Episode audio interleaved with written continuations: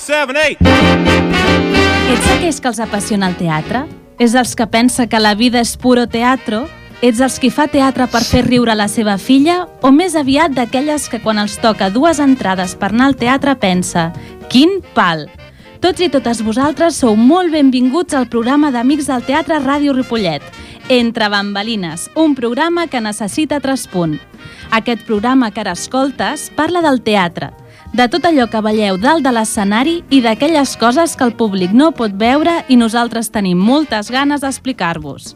Volem ser el forat del pany on tots i totes vosaltres descobriu el món del teatre, si és que no el coneixeu, o bé que aprofundiu en l'art de Talia. Com tota bona obra teatral, el programa està farcit de, personatge, de personatges que aniran apareixent a escena i faran el seu paper a través de les zones radiofòniques. I jo mateixa, l'altre punt, la persona entre bambalines que ningú veu però que fa que tot rutlli, us acompanyarà en aquesta hora de ràdio teatral. El meu nom és Iris i us dono, una vegada més, una benvinguda plena d'emoció i d'il·lusió. Comencem! Que s'aixequi el taló, molta merda i sort!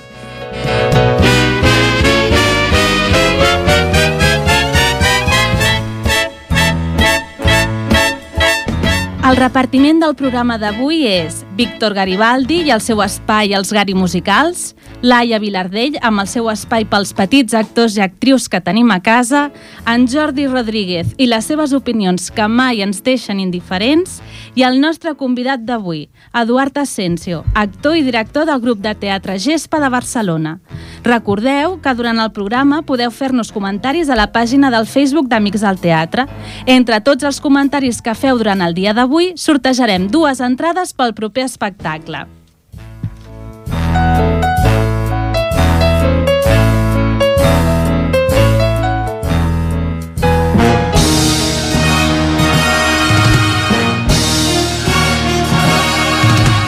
Mes vam estar parlant a l'espai dels Gari Musicals del més que famós i reconegut musical, Els Miserables.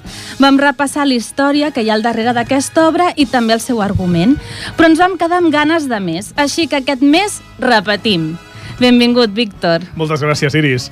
Doncs això mateix, avui repetirem, però vaja, ens centrarem en el que l'últim dia, en el que l'altre dia no vam poder fer, que és eh, escoltar música que la que és música... el que ens agrada. Exacte, que a més la música dels Miserables és per escoltar-la, val molt la pena. És preciosa. Així és que avui ens centrarem i escoltarem uns quants temes, no tots, és clar, No. però, però uns quants del, dels millors temes que, que hi ha d'aquest espectacle dels Miserables.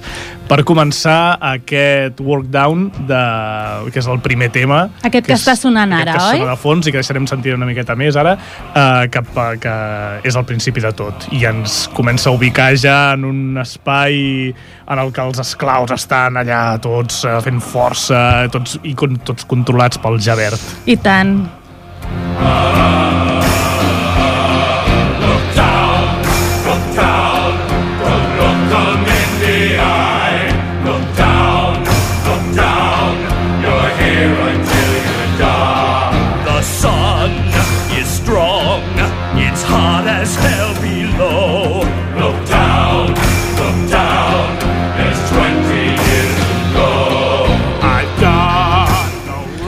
Com l'altre dia vam comentar, Els Miserables era una obra musical basada en la novel·la escrita pel Victor Hugo del 1862.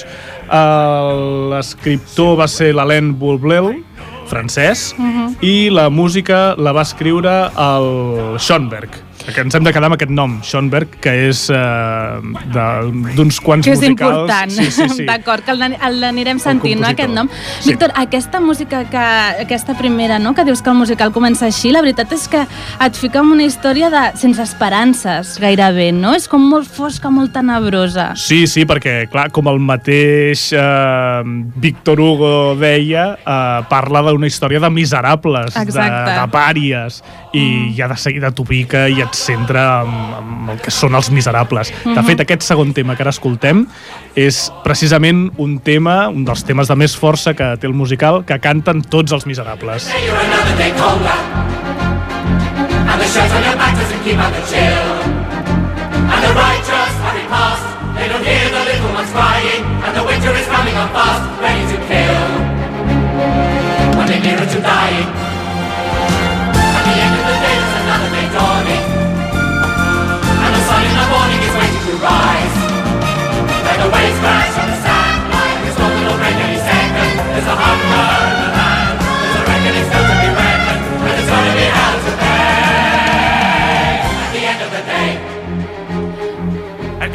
Aquest musical es va estrenar a París el 1980, al cap de cinc anys es va aportar a Londres després d'una adaptació a l'anglès de Herbert Kretzmer, i al cap de dos anys més es va estrenar a Broadway, el 1987. El West End ja a Londres ja va tenir molt èxit i, uh, i a Broadway l'èxit va va ser ja petar. absolutament, va, absolutament va ser espectacular, va ser nominada a 12 premis Tony, que els premis 12, Déu-n'hi-do, els eh? premis Tony són com els Oscars pel Mhm, cinema, sí. doncs pel teatre musical. I en va guanyar 8 dels Vuit, 12. El millor musical, el millor direcció musical, millor banda sonora, millor actriu, millor actor... Bueno, va, ho va guanyar tot. Però és que no m'estranya, perquè només amb aquest principi, Víctor, que ens poses, no? que imagineu-vos, no sé quanta gent deu estar cantant i ballant aquesta, aquesta cançó que escoltàvem. Molta, molta. És un No, espectacle on surt moltíssima, molta sí. gent i on, a més, eh, sí que és veritat que hi ha un protagonista, com és el Sí. Jean Valjean, però hi ha moltes històries paral·leles, per tant, fa falta que hi hagi molts protagonistes amb un nivell altíssim.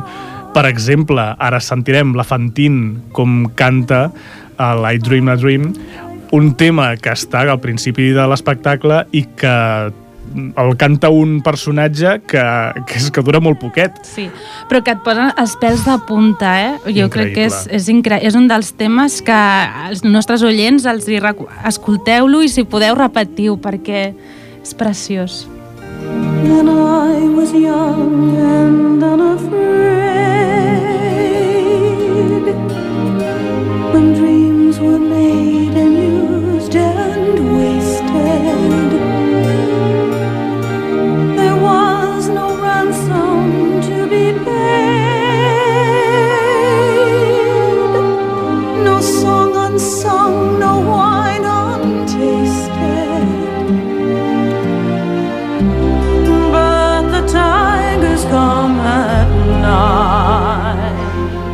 Parlem també dels enregistraments, que és, segurament és una dada que als nostres oients els agradarà, els agradarà tenir.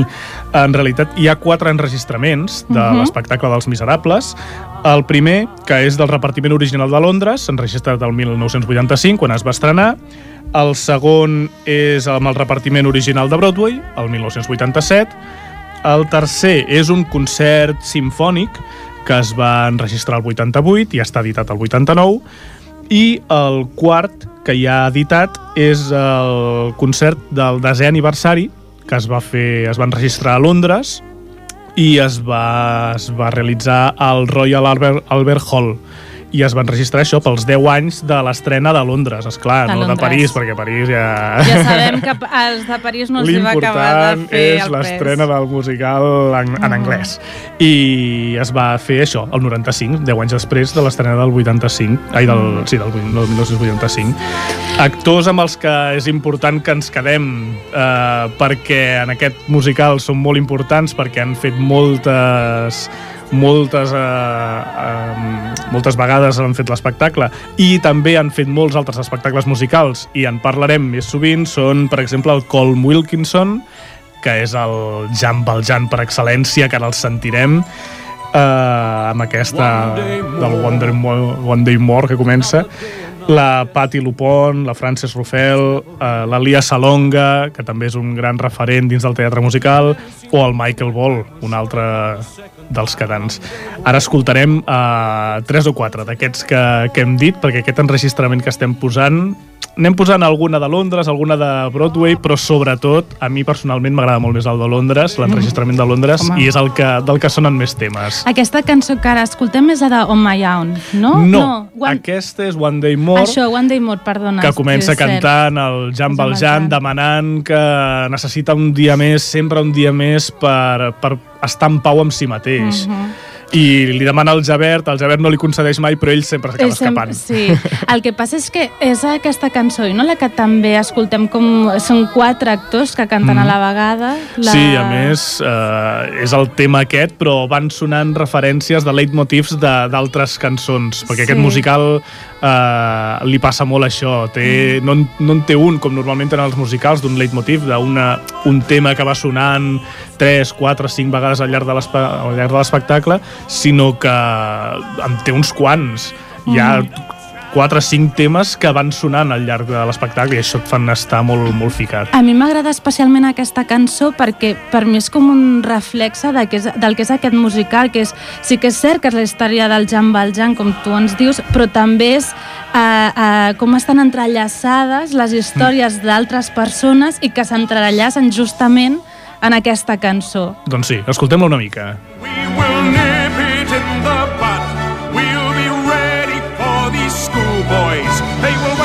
themselves with blood. Watch 'em run amok, catch 'em as they fall.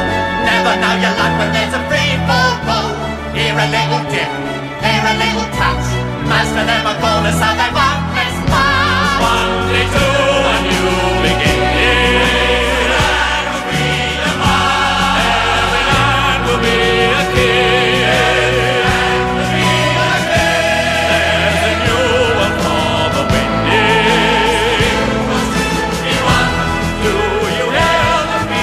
Segurament tots tenim al cap eh, l'emblema de, dels Miserables, no? la imatge que primera que ens ve al cap és d'aquesta nena, Sí. oi? petita, eh, bruta, de, amb la cara bruta, i amb una bandera francesa al darrere. Eh, curiosament és un dibuix que apareix a l'edició original de la novel·la del Victor Hugo del 1862 i és una, una il·lustració d'un francès, d'Emile Bayard, que la va fer precisament per això. I és un dibuix precisament això de la, de la Cosette, d'un dels personatges principals, eh, escombrant a la taverna dels Ternadier, que és on, on la mare l'envia perquè allà la perquè ja la cuidin. Doncs sí. Que al final el Jean Valjean, el protagonista, acaba cuidant de la Cosette, Mhm. la Cosette es fa gran, s'enamora i coses que I passen a van la vida. coses. Aquí ara sentim un dels moments també que posa la pell de gallina, que és el final de la primera part, amb tot el poble volent anar a les barricades i cantant el Do You Hear the People Sing. The the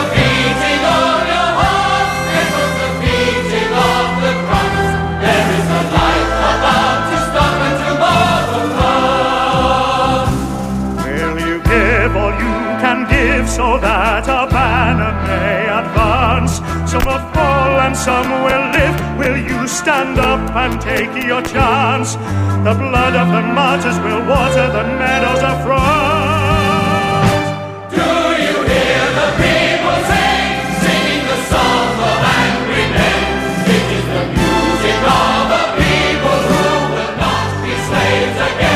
Una altra de les curiositats de- d'aquest espectacle és la quantitat d'idiomes a, la, que- a les que s'ha a que s'ha traduït. S'ha veure, traduït sorprèn-nos. eh, en 21 idiomes. 21. S'ha arribat a fer fins a 38 països diferents amb espectacles de- d'altíssim nivell. Mhm. Adaptacions que s'han fet del llibre, Mhm. de l'original, eh, s'han fet fins a 12 pel·lícules, dues d'elles musicals, i s'han fet dues minissèries però d'adaptacions del musical, del musical estrenat a, a París al 80 i després a Londres al 85, eh, només s'ha fet una pel·lícula, que és la que es va estrenar recentment el 2012. Eh, aquesta, aquesta adaptació ja era un projecte que tenia al cap Alan Parker el 92, però va quedar, va quedar allà però arran de la celebració del 25è aniversari del musical, tornem, la, del 25è aniversari des de, des de l'estrena a Londres, és clar, el 2010 eh, es, va, es va tornar a reprendre aquest projecte i es va començar a gravar al març del 2012, eh, es van registrar un parell de llocs d'Anglaterra, a París, i es, va, i es va estrenar el desembre del 2012. La pel·lícula... La recomanem o no? Què et sembla? La recomanem? La pel·lícula ja la vam recomanar l'altre dia. Em sembla que també la nostra companya de, de que fa el programa Sí, de, de sí, cinema aquí a la ràdio Ripollet també també la va recomanar i nosaltres des d'aquí un cop més la, la continuem recomanant perquè ja l'hem és... vist dues vegades, Sí, sí, nosaltres. i més que l'hauríem de veure perquè és, és impressionant, és impressionant. Sí. Ha estat nominada a quatre Globus d'Or, dels quals en va guanyar tres, a millor pel·lícula, millor actor musical i millor actriu secundària, i està nominada a vuit Oscars. Amb Déu-n'hi-do, això amb gairebé ho això, estem dient sí. tot. I, Víctor, perdona, eh, però és que estic escoltant la cançó de fons, ja ho sé que ho saps, però és que és, per mi és la meva cançó preferida d'aquest musical. Sí, és molt maca. És la preciosa. canta l'Eponín i és molt, molt bonica. Molt. La sentirem una miqueta, no? Sí, em deixes que expliqui, els faci una petita confessió, Clar, més aprofitant que avui està el Jordi aquí amb nosaltres, jo no sé si ell se'n recordarà, perquè la seva memòria és més curta, però no? te recordes menys les coses. I tant que me'n recordo. A De què?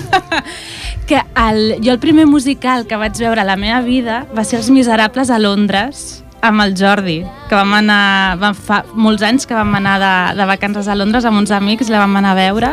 Va ser el primer musical, que diuen que com les primeres parelles mai tan oblides, no?, del primer musical, i recordo jo era molt joveneta llavors, veure allà la Ponin sola, davant de l'escenari, cantant aquesta cançó, explicant, no?, com explica Víctor la, el fet de de- d'estimar algú i no estar correspost. Mm. Aquesta soledat era... Sí. Bueno, és que es traspassava, no? Se sentia i em vaig enamorar. I a més és una noia sola al mig Sí. de tot l'escenari que no és petit, precisament. No. I en canvi l'omple increïblement. Mm, Sí, sí, sí. Doncs sí, t'he de dir que sí que me n'en recordo i a més a més, afegint totes les, la, els comentaris que ha fet el Víctor, jo crec que hi ha musicals que tu vas esquivant la música i amb aquesta, en canvi, surts ple de música. Sí. I és una passada. És una passada Sí. perquè dius, ostres, aquesta que maca. I la següent, oh, però Oh, aquesta. Oh, i, i la següent, oh, que preciosa. Vull dir, al final surts que dius, el que deies tu, no? Que dius, he, he escoltat 50 hits. Sí, Sí, sí. Vull dir, exacte. una, una passada. No sí, saps sí. amb quina quedar-te. Exacte. Sí. I, Víctor, per acabar, Mm. Què? Doncs, Com ho fem? per acabar, home, acabarem amb el final, Com ho no? fem amb, per acabar amb els a lo grande, miserables? gairebé. Posarem ara un del, l'últim tema que sona, que de fet el, el comença cantant quan ja està a punt de morir el Jan Valjean, Sí. eh, després de tota una vida entregada a, a, a, a perdonar-se a si mateix, Exacte. gairebé a buscar la redempció, Sí. I, i la, la Cosette que li diu que se- que se'n pot anar tranquil La seva que, filla la seva adoptiva, filla, no? que ell ha estat una bona persona que ha estat un bon pare, que pot anar tranquil i bé, en aquest impàs de que està mig viu, mig mort que està allò a les, a les darreries uh, la Fantine que ja fa més de mitja, més de mitja obra que està morta el ve a buscar i també li diu que, que pot estar tranquil que, que ha tingut una vida dedicada i entregada als altres, que realment ha aconseguit canviar, que és el que ell volia, que ha aconseguit ser una bona persona i que, i que pot estar tranquil. I tots sortim del teatre plorant. Sí, sí, i tant, per enèsima vegada, perquè aquí vas arrencant el plor sí. cada dos per tres. Doncs va, escoltem-la. Escoltem, escoltem. On this page, I write my last confession. It well when I at last am sleeping. It's a story of those who always loved you. Your mother gave her life for you, then gave you to my keeping. Come with me.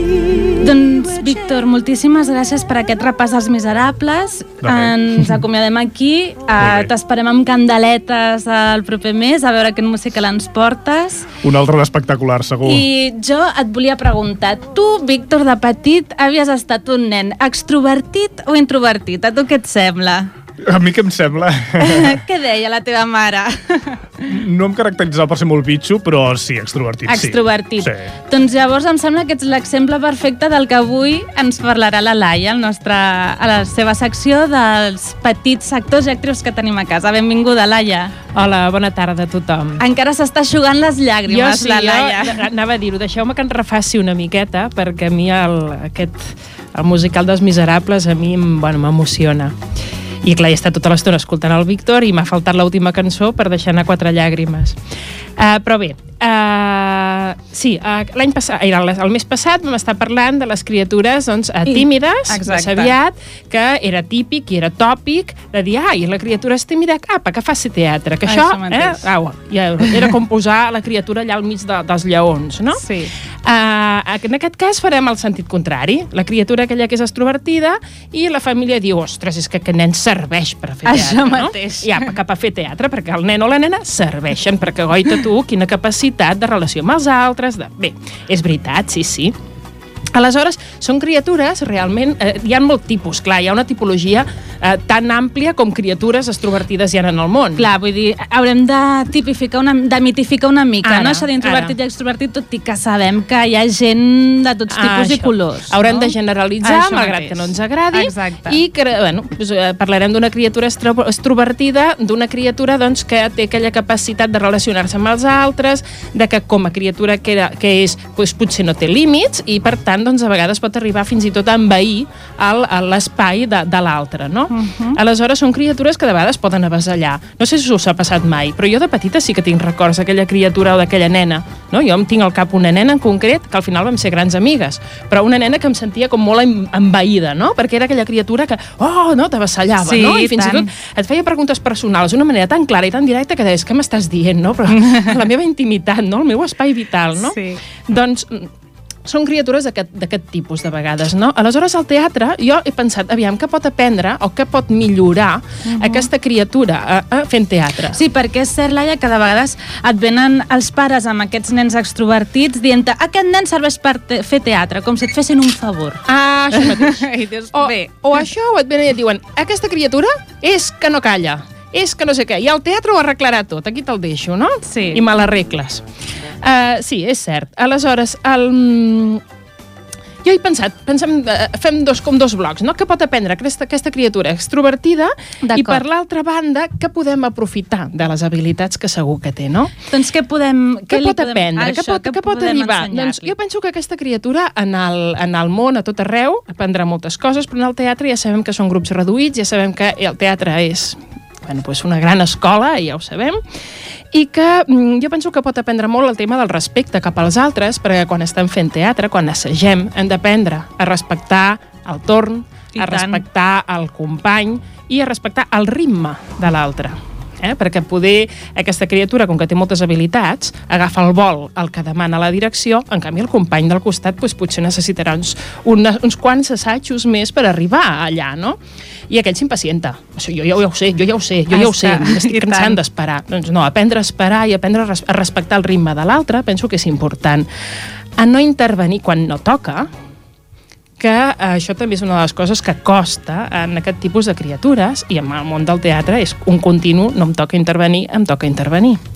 És una gran pràctica, no?, de la, del que sabrà després la vida diària. jo crec que sí. I a la impulsibilitat, a impulsivitat, és a dir, dominar aquella impulsivitat. Però clar, tot això és molt difícil i són criatures petites i no se'ls hi pot demanar un autocontrol. Jo penso que ha d'haver-hi una, una, una, una corregulació, és a dir, és l'adult el que ha de regular o ha d'ajudar a regular tots aquests, aquests, aquestes emocions a la criatura. No, no pot regular-se ell sol perquè és, és petit. Aleshores, tornem una mica al que dèiem el mes passat, no? que el més important és que sigui un director o directora amb aquella sensibilitat i amb aquella capacitat de veure què necessita aquest infant, com oferir-li, com ajudar-lo a entomar-ho.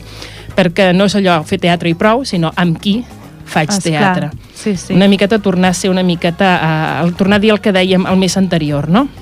Directors que ajudin a regular els seus actors i acti Ah, sí. actrius petits, que, que no? ajudin a, a l'autorre- que, que ajudi a, a que la criatura arribi a l'autoregulació. Però, mm -hmm. clar, hem de començar per una corregulació. Jo t'ajudo, no? Ens regulem clar. plegats una miqueta, no? Són criatures que jo estic convençuda que poden ser grans empàtics, eh? persones que tenen capacitat de posar-se a la pell dels altres. Això al teatre és una gran escola, mare de Déu. Cada vegada que fem un personatge ens posem a la pell d'aquella altra persona. Clar. Per tant, jo penso que podem donar-li molt joc en aquest aspecte i podem crear criatures no tolerants, sinó empàtiques. Mm, Vull dir, Hi tolerants... ha una, un pas més encara, anar una no? mica més enllà. Imagina't. Jo penso que són criatures que se'ls hi pot treure molt suc amb aquest aspecte. Um, són criatures a vegades que són com protagonistes, no? que, són, que criden l'atenció. De vegades hi ha criatures que criden l'atenció amb un aspecte negatiu, aquella que- criatura que és tan extrovertida i tan xerraire i tan cridanera i que pot arribar a distorsionar, no? Aleshores, en el món del teatre és que és una gran escola perquè li pots donar un paper que sigui un caramel que l'ajudi a sentir-se un protagonista positiu, no? No allò que crida l'atenció per lo negatiu, sinó que crida l'atenció per lo positiu, perquè segur que serà un gran actor o una gran actriu.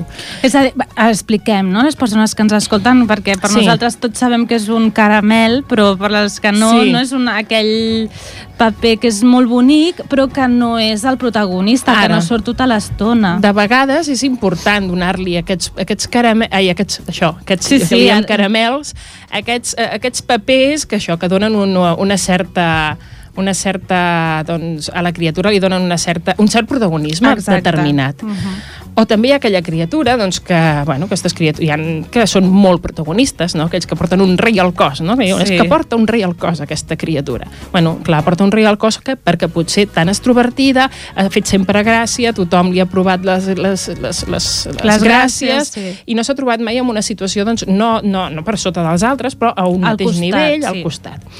Aleshores, clar, el treball d'equip del món del teatre té això, no? Que I de tant. vegades doncs, estàs això, no? Durant fent-te costat l'un a l'altre, no hi ha ni el gran actor ni el... Tots som... Tots els personatges tots treballem plegats i tots són importants. I penso que això el pot ajudar moltíssim. Um, Sí, és una mica no, el que dèiem de, el mes passat del tema de, bueno, pues que l'introvertit que se sent per sota de la seva autoestima i l'extrovertit que se sent per dalt, pues, amb el teatre tots som iguals i tots som companys intentem, i ens ah, posem. intent, intentem equilibrar no, Això aquestes mateix. forces. Jo penso que amb una criatura extrovertida, evidentment, que li pot eh, ajudar moltíssim. I, i són, hi ha criatures d'aquest tipus que a vegades són líders Sí. i, i va haver una època que la paraula líder no, era com una paraula dolenta, no? una paraula que dèiem, oi, és el que mana. Bueno, aviam, hem de ser realistes i en un, en un entorn petit, gran, eh, el que sigui, sempre hi ha una persona que ha de liderar i que lidera. I de vegades ho fa de forma que ni se'n dona compte, no? de Natural. forma natural. No, no, és que nosaltres tot ho decidim en consens, però sempre hi ha aquella persona que està liderant, que està dinamitzant, que està coordinant, no? Són criatures a vegades que són bons líders, aleshores val la pena eh, donar-li algun tipus de responsabilitat dintre del, del, del, del món del teatre, dintre, no sé, tu t'encarregaràs de que, de que els decorats funcionin, o de, Vegades, Sí, sí, sí, cosetes sí. d'aquestes que evidentment han de ser fer un seguiment, ha d'haver un seguiment perquè són nens petits i cal que no, no deixar-lo allà i ja t'ho faràs, no? Ha d'haver un seguiment, però que ja pugui, pugui eh, liderar d'una manera sana, d'una manera Exacte. positiva, no? Que se senti, doncs, eh, que dinamitzi. Uh, aquestes capacitats innates penso que s'han d'educar i no es poden deixar que vagin fent pel seu camí, no? I per tant, el món del teatre jo penso que, que, que el pot ajudar moltíssim. I tant que sí. I una última coseta que penso que um, en aquestes criatures a vegades tendim en que, com que són criatures que serveixen per fer teatre, doncs uh, tenen una... Um, de vegades els encasillem, per dir-ho d'alguna manera, no? És a dir, és una criatura que potser doncs, oh, és que és un gran còmic, oi, tu ten petit ja, i quina gràcia té el fer els papers de còmic, no? I per tant, doncs vinga còmics, no? Per dir-ho d'alguna manera, o al revés, no? Jo penso que el, aquesta criatura pot arribar a avorrir-se, eh? -huh. pot arribar a avorrir-se. Per tant, I a no voler fer teatre mai, mai més a la vida, ja- perquè, escolta, m'ho tinc tan dominat que Clar, ja m'avorreix, està. ja sé el que em tocarà Clar. fer, agafarà l'obra de teatre, ja sé el que em toca, no? Clar. I una mica el que dèiem el mes passat, no? que amb una obra de teatre, que aquí ara hi ha el director, no? que ens va donar, que dèiem amb la Marta Colomina, ens va donar un paper que justament era el que no ens imaginàvem que faríem mai, això ens va suposar un repte, no? I érem adults. Doncs imagineu-vos amb un nano, no? Petit, de dir-li, mira, tu fas molt bé això, aquesta, fas molt bé això, fas molt bé allò, però en canvi, això és un repte per tu, perquè no ho has fet mai.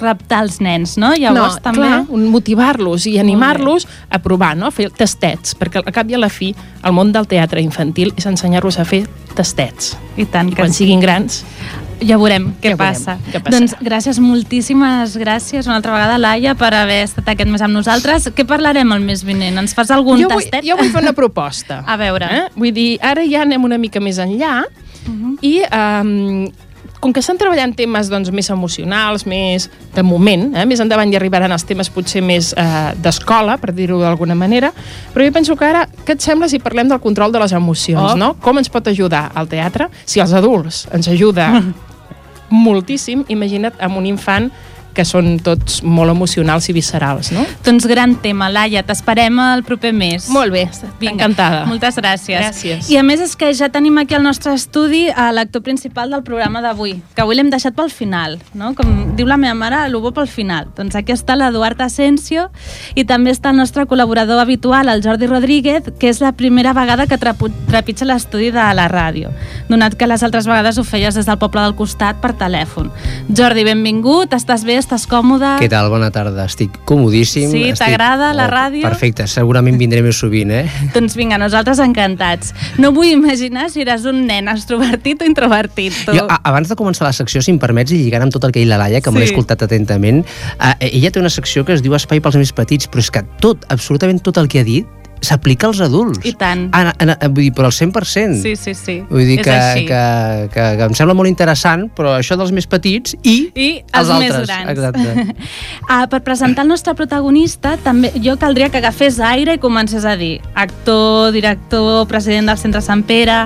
Però em sembla que el Jordi eh, ja podem desvetllar la nostra sorpresa d'aquest programa d'avui. Què et sembla? Oh, jo crec que sí, no? Doncs pues vinga, som-hi. Vinga, la sorpresa, que no sé per quanta gent serà, però, però per nosaltres sí, és que tenim aquí a l'Eduard Asensio. L'Eduard Asensio, a part d'amic nostre, és, és una persona que fa teatre en un altre lloc diferent al nostre, però que ens ha permès també juntar-nos amb el seu grup, que, que ens ha dirigit, que l'hem gaudit i, eh, compartint escenari, d'acord, com a actors, i moltes altres coses que aquí tampoc tenim per què explicar. I jo O que sí, fet- ja veurem com va Oh, l'entrevista. ja veurem, o sí, ja veurem. Jo el que he, he titulat la meva opinió d'avui, aquella que si no serveix podeu tirar la brossa, així. Eduard Asensio, quan el lleure es converteix en un art. I en primer lloc voldria comentar que en aquest programa de ràdio se m'ha contractat, a cost zero, això sí, per donar la meva opinió sobre obres de teatre professionals. Jo vaig a veure-les i després expresso una opinió basada únicament en la sensació i en les emocions que els espectacles m'han produït. Podria fer crítica d'espectacles amateurs, els tinc més a prop i en més abundància, però la directora d'aquest programa va creure, amb bon criteri, que la crítica, quan el criticat és tan a prop del crític, podria ser malinterpretada. Per què, en aquest cas, fem una excepció i se'm demana que opini sobre la part de la vida teatral del meu amic i padrí del meu fill, Eduard Asensio, quan ell no s'ha mogut mai del món amateur i quan, a més, els vincles personals podrien esbiaixar el que pugui pensar jo. Doncs només trobo dues possibles raons.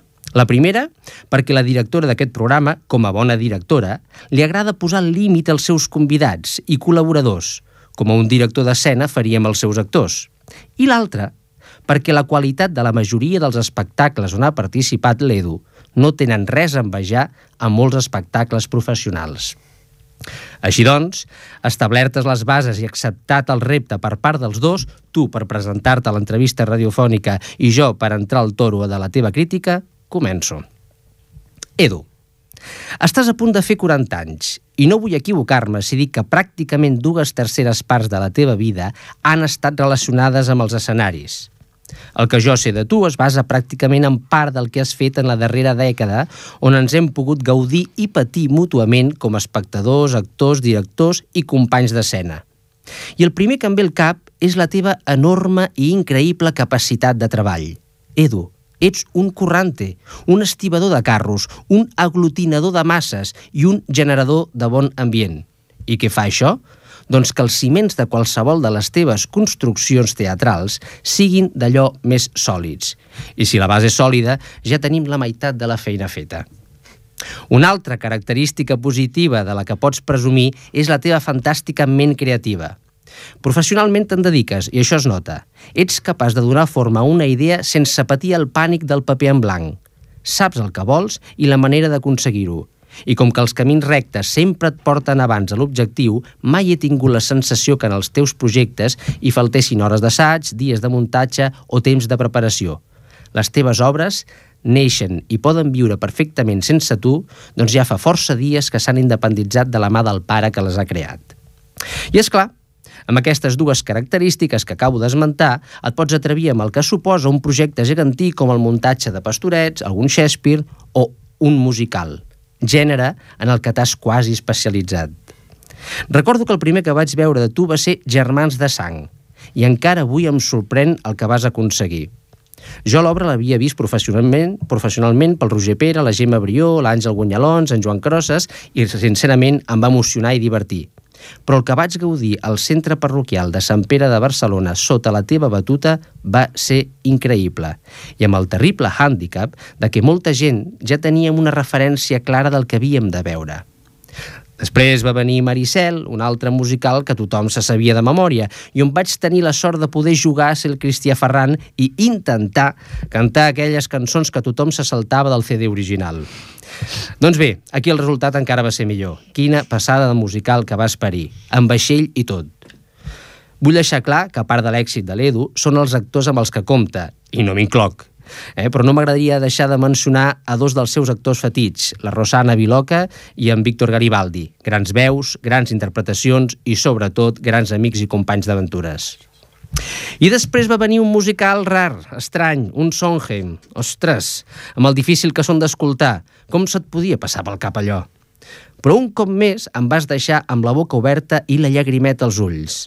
Val a dir que va ser la primera vegada que el meu fill Nil va sortir a escena dins la panxa de la seva superembarassada mare.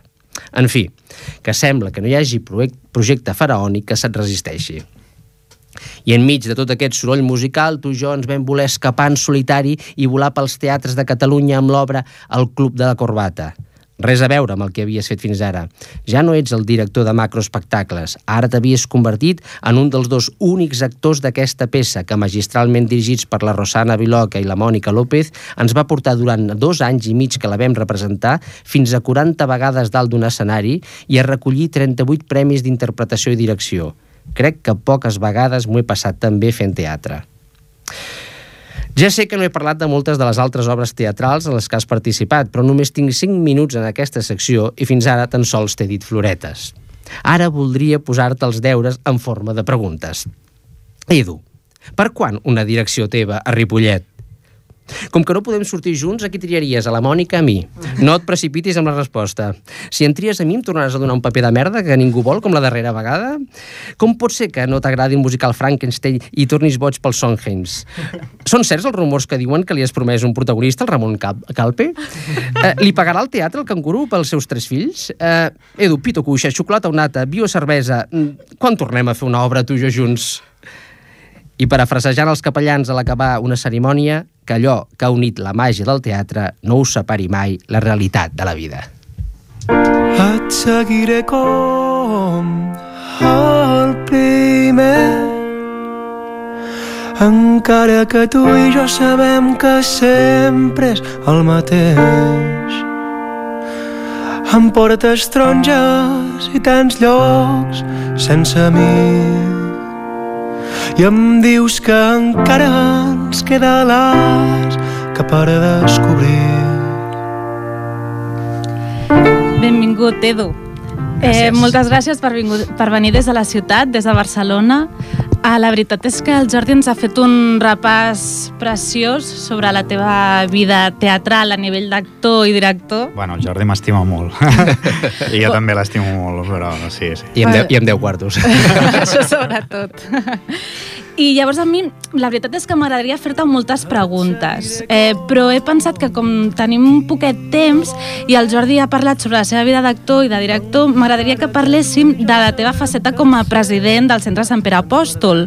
Què et sembla? Sí, sí, perfecte, Sí? com vosaltres vale. vulgueu. Uh, mira, uh, primer de tot i perquè tots ens situem, perquè nosaltres aquí a Ripollet segurament no sabem el que és el Centre Sant Pere Apòstol, una mica ens situes què és, on està... Sí, el Centre Sant Pere Apòstol és un centre cultural que fa 120 anys de... L'any passat va fer 120 anys d'història. Uh, està situat al carrer Sant Pere Més Alt, al costat del, del Palau de la Música, per situar-nos una miqueta. I amb els anys ha sigut una entitat que, a part de fer molt teatre i fer altres activitats, sobretot hem donat, donant acollida a entitats que s'havien quedat sense, sense lloc on poder desenvolupar la seva activitat i una mica ara també mm, dinamitzem tot això, no? una mica com si fos un hotel d'entitats però sempre de caire cultural Uh -huh. Tu ets el seu president des de quan? Quan fa que Des de fa quatre anys. Quatre. I com una persona com tu arriba a ser president d'una entitat com aquesta? És interessant aquesta pregunta. Oi que sí? Sí, no sabria com contestar-la. No, bé, suposo que... Vull dir que vas començar de petit o hi vas entrar per alguna altra sí, cosa? a- allà al centre hi havia l'agrupament Escolta per les Mestres, que és on, on jo estava com a nen des dels 7-8 anys, i bueno, l'agrupament estava integrat dintre del centre i es, es feien moltes activitats i amb els anys, que a mesura que vas creixent doncs et vas introduint també en altres àmbits de, del propi centre, no? el teatre i mira, una persona que en aquell moment era el president, l'Albert Rodríguez, em va demanar d'entrar a la Junta i, i vaig entrar. I així va començar tot. Sí, i a poc a poc pues, em va passar un altre president, l'Enric Turon, i vaig seguir a la Junta. I mira, no sé, com al final em van enganyar entre com, plegats. com deia el Jordi, no? perquè ets una persona amb empenta, no? i suposo que... Sí, o perquè hauria ser l'única opció ja que quedava. Ningú Es- volia ser. No, home, no. He d'una cosa, perquè allà al centre una mica, perquè ens fem una idea, dius que és com un hotel d'entitats, no? O sigui, es fan diverses activitats a part del teatre, però el teatre és la seva activitat principal o no és així? Sí, home, dintre del que és el propi centre eh, té una secció pròpia, que és el Teatre Gespa, el grup Gespa de Barcelona, que, que és la, la seva secció de teatre i és la més potent, diguem-ne, la secció més potent que hi ha al centre. Mhm. Després hi ha altres entitats que fan vida allà, com hi ha des de gegants, sardanes, corals, Uh, bueno, hi ha una mica de tot. Mhm. hi ha, es fan concerts de música, hi ha associacions com l'Associació de Llengua Nacional, que mm, treballa el tema de la llengua catalana, Mhm. vull dir, hi ha de tot, una mica de tot. I perquè mm, també ens fem una idea, per exemple, aquí a Amics del Teatre nosaltres estrenem tres obres l'any. Mm. Vosaltres quantes estreneu? Pues depèn de l'any, unes 11. 11. 11 o 12, sí. Déu-n'hi-do. Sí, allà el, el grup de teatre no només és el grup de teatre Gespa, hi ha dos grups més de teatre, un que es diu Taló Obert i un altre que es diu un grup artístic El Gall, i entre tots tres, eh, cada mes de març més o menys, organitzem el que és la temporada següent de teatre. Intentem tenir una temporada estable de teatre amateur, Mhm. eh, cosa que és, és complicat gestionar-ho, però i que més o menys hi hagi una obra cada, cada mes. Una obra cada mes. Sí. I quanta gent us pot venir a veure? Doncs mira, si no vaig equivocat, l'any passat van ser unes 4.000 persones que van venir a veure teatre. Déu-n'hi-do. Sí, sí. Sí, realment feu una gran activitat dins sí, del barri. Sí, és no? un, Perquè- una de les més potents. Sí. A més, coneixent el barri, no? que ens dius que està a prop del Palau de la Música, Sí. vull dir, és un barri que, mm, vull dir, no... tu el coneixeràs més, però em dóna la sensació que no és un lloc de... Vull dir, que hi ha molta immigració, molta gent vinguda de fora. Sí, el barri, el barri ha anat canviant molt. Abans hi havia més eh, gent, diguem-ne, famílies d'aquestes que feia molts anys que estaven vivint en el barri. A poc a poc han anat marxant i s'han nutrit més d'immigració. Uh, però, però en certa manera intentem portar un equilibri, no? Entre Clar. gent del barri, gent que no és del barri, gent Clar. bueno, que va fer allà el seu lleure i que després marxa cap a casa a diferents llocs de Barcelona. Clar, però és una bona manera, no?, de, mm. també de cohesionar Sí. a les persones que viuen allà Sí, i també gent, doncs això, que venim a fer teatre allà d'altres llocs de Barcelona i de fora de Barcelona. I el centre fa una publicació trimestral, a més, oi que sí? Sí, en, en paper. És una mena de, revistes pe- de revista pels socis. I en ella, en aquesta última edició, parlaves en el teu escrit sobre l'esforç que cal fer per a que la màquina continuï funcionant i la dificultat per continuar sent optimistes. També escoltem notícies últimament, com el tancament de la sala taller del Teatre Nacional. Com ho vius tu tot això? I creus que hi ha esperança pel teatre? Sí, amb esperança sempre n'hi ha. El que passa que per les entitats com nosaltres, eh, que vivim no només, o sigui, que ens mantenim no només de, dels propis socis de l'entitat, eh, sinó que també depenem de subvencions de l'Ajuntament, de la Generalitat.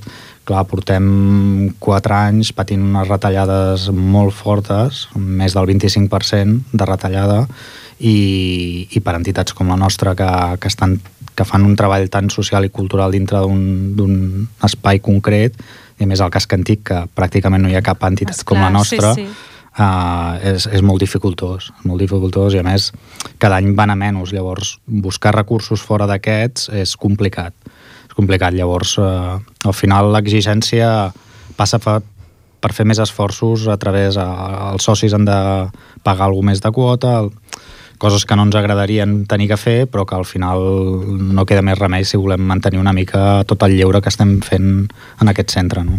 Passa pel finançament privat, vols dir? Sí, sí, sí, totalment privat, perquè el públic s'està esgotant. Vull dir, això hem de ser realistes i cada cop anirà menys, i això no... Eh, pensar que això remuntarà Ja. eh, és, és complicat. Clar. Llavors, eh, tot passa pel finançament privat, sigui via els socis de la pròpia entitat, pagant les quotes que els hi toquin, o buscant recursos, altres recursos extras a fundacions, això, però clar, cada cop les dificultats són iguals per tothom. Esclar. Entitats que estan treballant al tercer sector o que puguin fer, o ONGs que estan treballant tenen els mateixos problemes que, que tenim nosaltres. Esclar. No? Mm. Com us explicava al principi del programa i durant eh, la presentació que, que ha fet el Jordi, jo crec que ara tots els nostres oients saben que l'Edu és una persona molt especial, no? amb qui podria parlar de moltes coses, perquè a més de ser un bon amic i de que compartim juntament amb el Víctor, que també està aquí la tasca de Padrins del Nil, que ara té 11 mesos, ell va ser el primer director que va confiar en mi per actuar a Barcelona i amb un musical, ni més ni menys, el Company del Sondheim, que era raro, raro, Jordi, i que tot just ara fa un any que vam estrenar. Ara s'han girat els papers, Edu, i sóc jo, juntament amb la Mireia, que li enviem un petó des d'aquí ben fort, que dirigim en l'obra de l'Escamot cap a la mort, que Sí. s'estrena al març. Mm. Què et sembla? Aprofitem que estem aquí a la ràdio i parlem es una mica de l'obra? Sí, home, i tant, i es pot fer una mica de propaganda. I eh, tant quasi. que sí. Digues. que, bueno, una mica, què et sembla? Com van els assajos? De què va una mica l'obra? Ens... A veure, tot just estem, com aquell qui diu, portem 4 o 5 assajos, vull dir, és una obra complicada, és una obra dramàtica, tenia moltes ganes de fer eh, algun, alguna obra dramàtica, perquè sempre acabava fent coses més aviat còmiques, i penso que, que aquesta obra em- bueno, em venia molt de gust fer, a més hi ha uns monòlegs molt, molt bonics, eh, com en el meu personatge, i ara és una obra dura, una obra dura que parla de la guerra, que parla de soldats espantats, eh, soldats que no Sí. saben què fer, que estan refinats en, un, en una casa abandonada i esperant que els hi arribi la seva sort. Exacte. I parla molt, a mi, bueno, jo que sóc la directora, a mi em sembla parlar molt del sentit de la vida al final. Sí, no? sí. Jo crec que, si et sembla, penjarem al Facebook, ara ja ens queda un poquet temps per, per acabar el programa, penjarem al Facebook com l'enllaç amb el vostre centre, no? el Perfecte. centre Sant Pere, Mm. perquè qui vulgui escoltar, bueno, que ens estigui escoltant i vulgui venir, doncs que, que vingui.